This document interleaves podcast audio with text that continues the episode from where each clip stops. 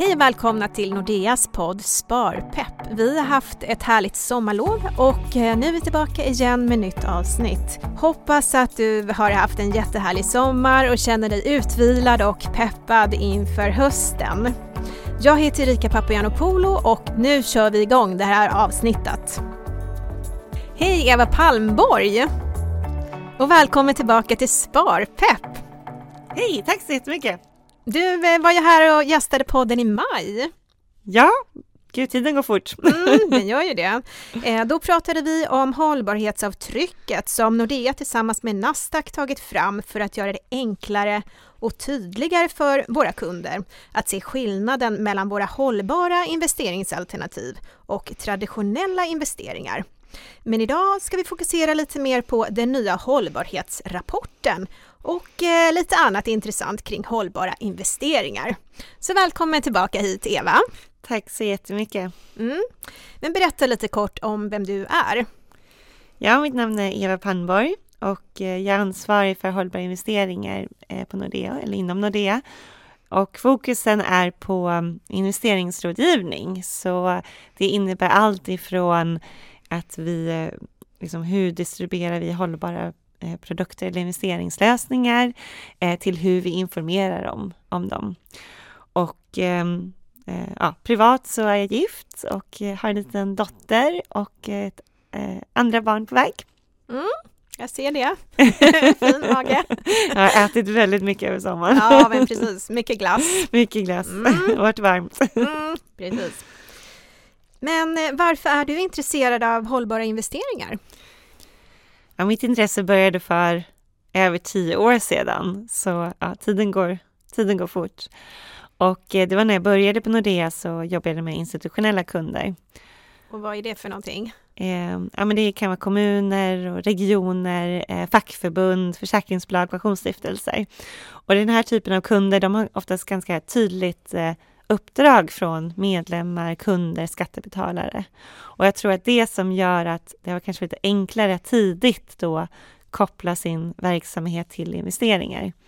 Så till exempel en, en, en region som sköter sjukhus eh, vill ju kanske inte investera i bolag som då försämrar hälsan Eh, för människor. Eller om det är ett försäkringsbolag och försäkrar skog så vill du inte investera i bolag som ökar eller bidrar till klimatförändringarna eh, och därmed ökar risken för bränder. Eh, så det är precis de här liksom både värderingsmässiga och man kopplar det till det investeringsmässiga som jag tycker är så otroligt intressant. Mm. Det är fler som brinner för de här frågorna. har du några förebilder inom hållbarhetsarbete och vilka är de?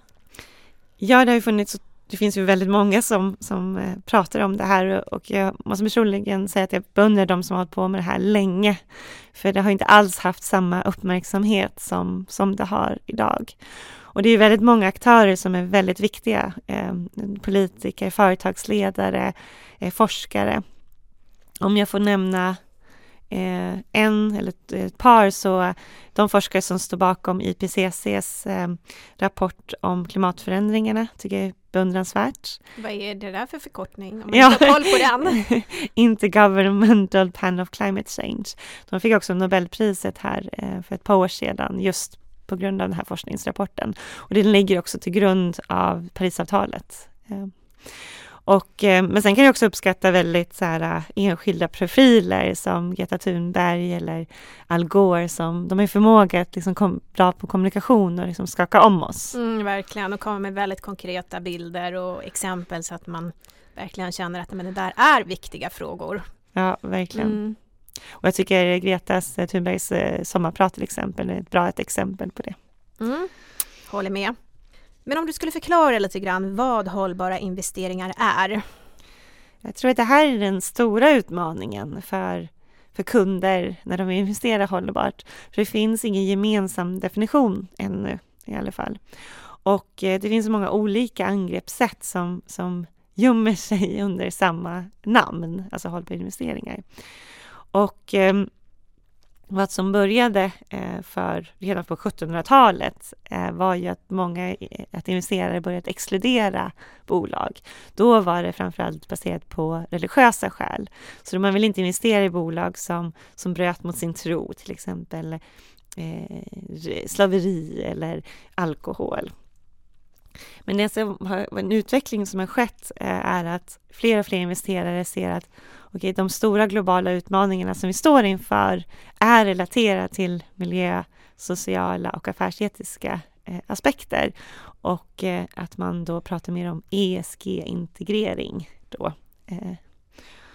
Så, och vad man väljer för ankrecept har väldigt stor betydelse, både vad det uppnår för påverkan eh, men också eh, till eventuellt potentiell avkastning. Ja, och det är mycket som har hänt inom det här området under de senaste åren. Kan du berätta lite mer om det? Ja, eh, precis som, som jag nämnde är ju att jag tror att liksom sättet man investerar hållbart har blivit mer sofistikerat. Så exkludering har ju, som har den längsta historiken, är också den största strategin om man tittar på förvaltat kapital. Men runt 2014 så ser vi ett skifte eh, och där ser man att den här ESG-integrering, de typer av strategi, strategier, de ökar medan exkludering då minskar i tillväxt. Och eh, vi kan se också att eh, till exempel impact investments, eh, det är kanske den mest konkreta typen av eh, strategier om miljö påverkan, för du måste ha väldigt mätbara och konkreta mål. Hur menar du med impact investments? Så här, påverkan, så att eh, du måste visa att du gör påverkan och du måste ha mål eh, för det eh, som är väldigt konkret. Det kan vara koldioxidutsläpp till exempel. Mm. Och ehm, de här har ökat, det är ganska, fortfarande ganska lågt förvaltat kapital, men jag tror att på sista tiden, sista åren har ökat med över 1000 procent, så det är väldigt kraftig ökning. Mm. Men varför är det klokt då av eh, Nordeas kunder att undersöka det här med hållbara investeringar lite närmare? Um, ja, men som från kundens perspektiv så har, kan det handla om värderingar. Det är att du helt enkelt inte vill placera i bolag som inte sköter hållbarhet på ett bra sätt. Ehm, men det som vi ser en ökad, liksom ökad skäl är också de investeringsmässiga.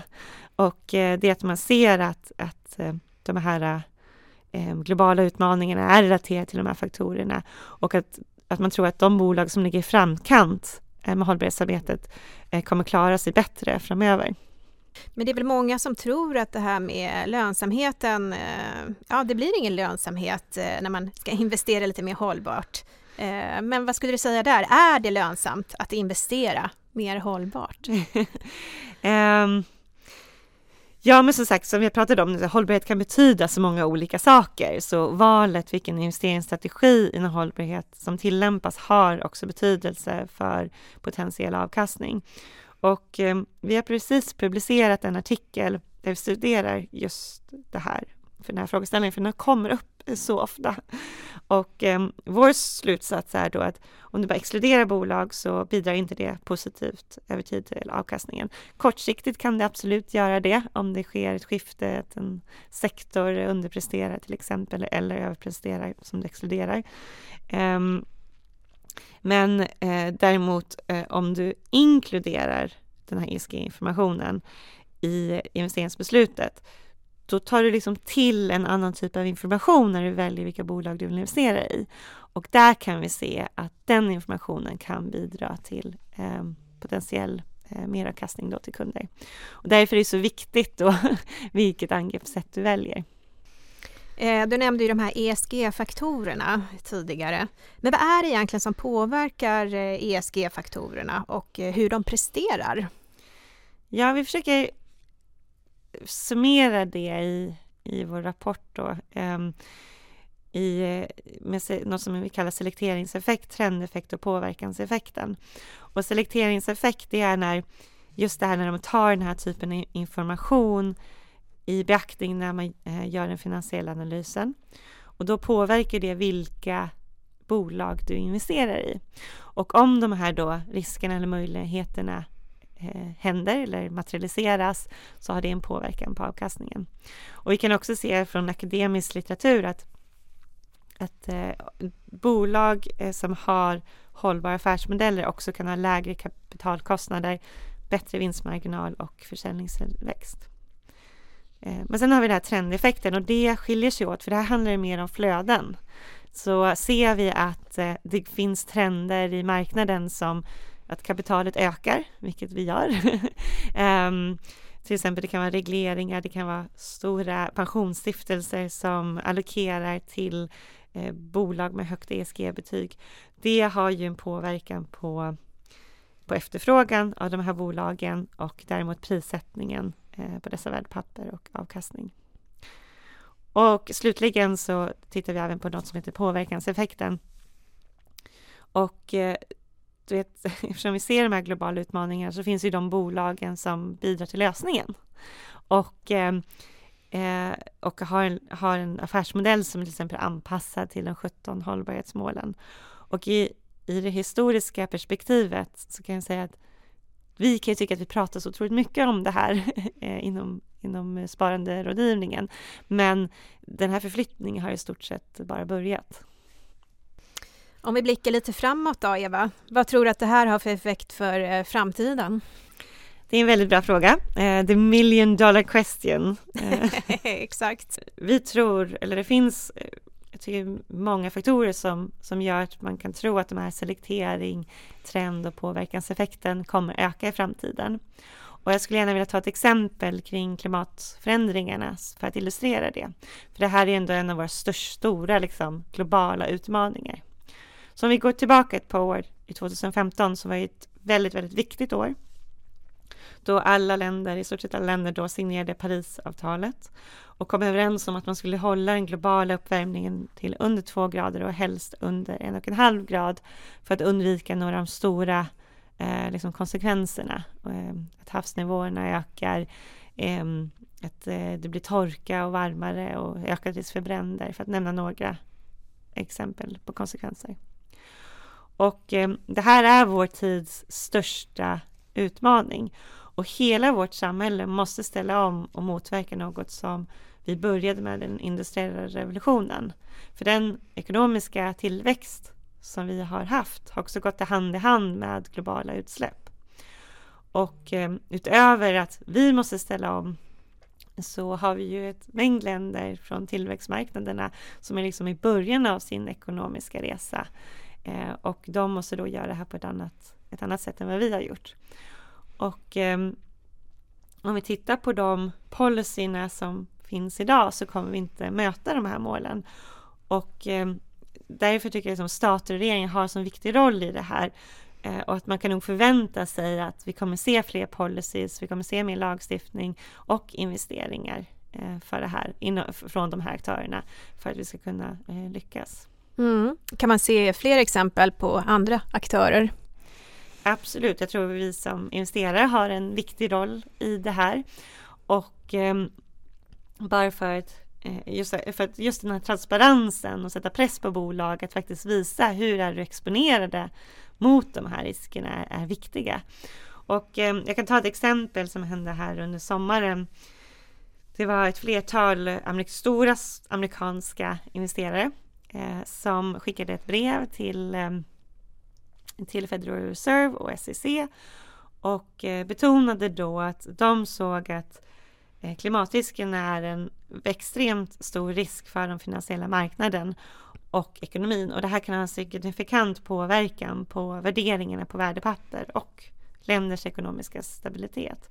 Och vad de upp, gjorde då, de uppmanade att dessa myndigheter ska agera och att man att bolag måste liksom börja rapportera kring de här riskerna för att man som då investerare ska kunna ta dem i beaktning. Mm. Är det då alltså att det ska finnas mer konkreta liksom, eh, mål och siffror och mer fakta menar du eller? Ja precis, mm. det ska finnas så finansiella, vad har det här för finansiell påverkan på bolagen eh, och hur exponerade är de mot det? Okej. Okay. Eh, och det här är bara ett initiativ. Det finns många ännu större initiativ som börjar sätta press.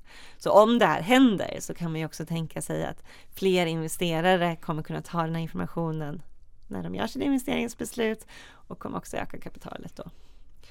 Eh, så det är ett exempel. Så, och jag tror att, jag menar, det kommer finnas bolag eh, som stöttas av allt det här som sker. Eh, för de ligger i framkant och, eh, och har koll på sina risker. Och det kommer att finnas bolag som, som kommer att ha det här emot sig. Men vad kan Nordea erbjuda inom det här området? Eh, men som vi har pratat om nu är ju att exkludering är inte tillräckligt och att man måste ta den här informationen, eh, ESG-informationen då, eh, i beaktning när det är investeringsbesluten. Det är det som gör skillnaden. Och eh, det här kan vara rätt svårt för kunder att se, okej, okay, ska jag investera i en hållbar fond, vilket angreppssätt har de? Eh, och då försöker vi göra det enkelt för våra kunder, eh, så vi har en, ett, ett samlingsnamn kan man säga som heter Hållbart val. Och mm, här säkerställer vi att det finns en hållbarhet integrerad i förvaltningen på ett systematiskt sätt.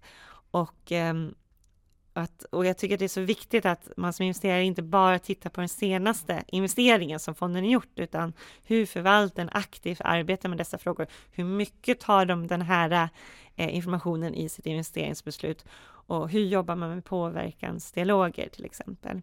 Och eh, i hållbart val så har vi gjort en väldigt noggrann utvärdering eh, och har väldigt strikta krav på vilka fonder som, som blir inkluderade.